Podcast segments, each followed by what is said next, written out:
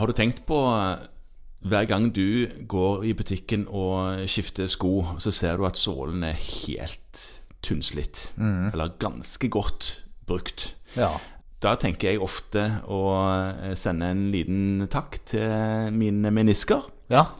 For jeg tenker at den belastningen disse knærne får, den kan jo sammenlignes med sålen på den skoen. Ja. Bortsett fra selvfølgelig at underlaget er rufsete, Ja. og inni kneet er det mer ordna forhold. sånn Ja. Mm. Men det er voldsomt store krav man har til bevegelsesapparatet med tanke på slitasje. Ja. Og etter hvert så merker man jo det, å få slitasjeforandringer i ledd. Og det er de store vektbærende leddene som får kjørt seg først, særlig knær. Knær og, Og hofter. hofter, ja. ja.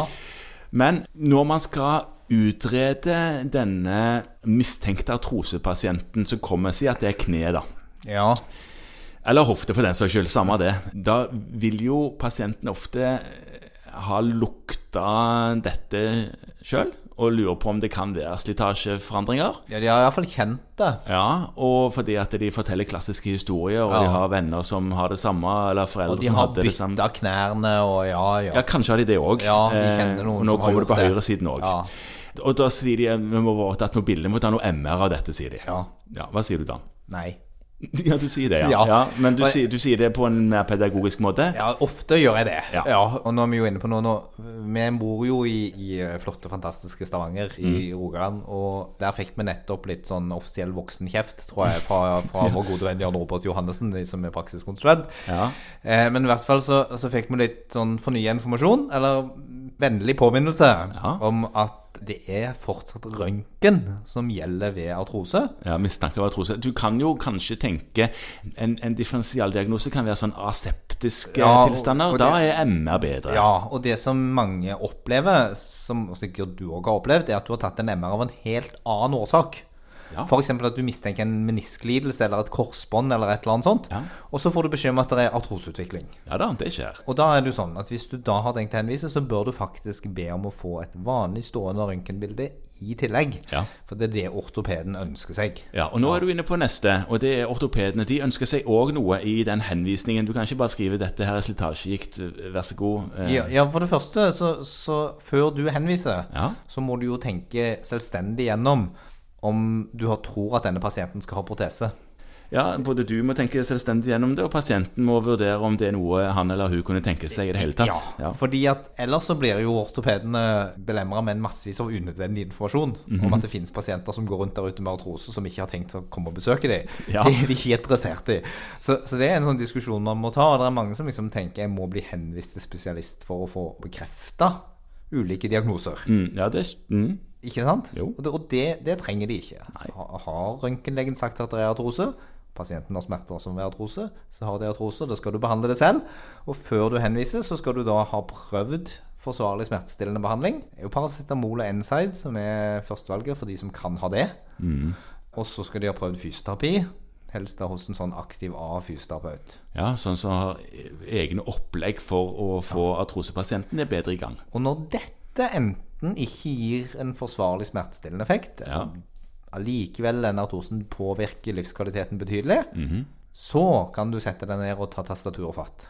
Ja, det kan du. Og da er det visse ting som eh, en ortoped vil synes det er hyggelig å få informasjon om i henvisningen. Ja, og Ja. det er jo ting som vi egentlig vet. Ja. Og så var det vel noen av oss som leste den listen og tenkte at ja, vi har forbedringspotensial.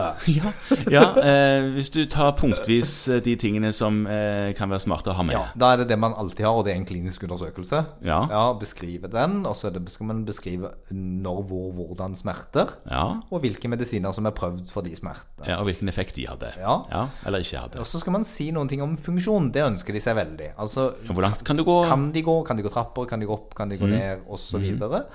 Og om i hvilken grad de opplever at livskvaliteten blir redusert som følge av dette.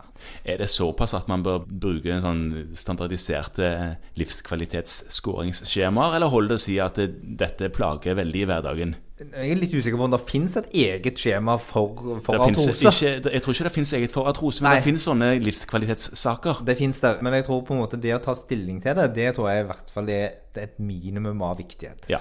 Og så ønsker de seg høyde og vekt. Ja, altså en BMI, rett og slett. Ja. Ja. Eh, relevant komorbiditet. Jeg husker vi hadde en svensk foreleser en gang som snakket om komorbiditet og presiserte at det hadde ingenting med sykdom hos kyr å gjøre. Nei, nei. Men du, eh, tilbake til BMI. Er mm, greit nok at eh, hvis man er, har høy BMI, så har man større risiko selvfølgelig for å få slitasjeforandringer i vektbærende ledd. Men samtidig så er det jo sånn at eh, en ortoped kan ikke nekte å vurdere prosesekirurgi bare fordi at BMI kanskje er 32, og de sier nei, vi vil ikke gjøre noe med dette før du har prøvd å gå ned til en BMI under 30. Nei. Da kan du eventuelt òg si noe om at vi har prøvd alle mulige tiltak for å redusere vekt. Ja, det kan man si.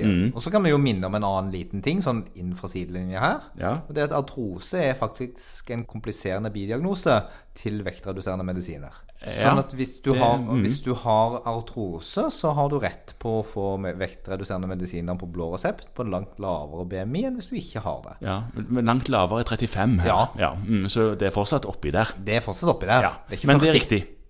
Men det er riktig. Ja. Ja, Og så det siste er jo tobakksbruk, og det tenderer vi jo til å glemme. ja nettopp. Ja. Og, og så er det å si det, da, at for flere av disse tingene, og dette burde vi jo nesten fått en sånn eh, organspesialist å snakke om, men for flere av disse tingene så er de viktige ikke fordi at ortopeden skal sitte der inne og være grinete og sur og si nei, at du må skjerpe deg og ta deg sammen i livet ditt. Nei. Men rett og slett fordi det har noen ting å si for resultatet av protesekirurgien. Ja, ja.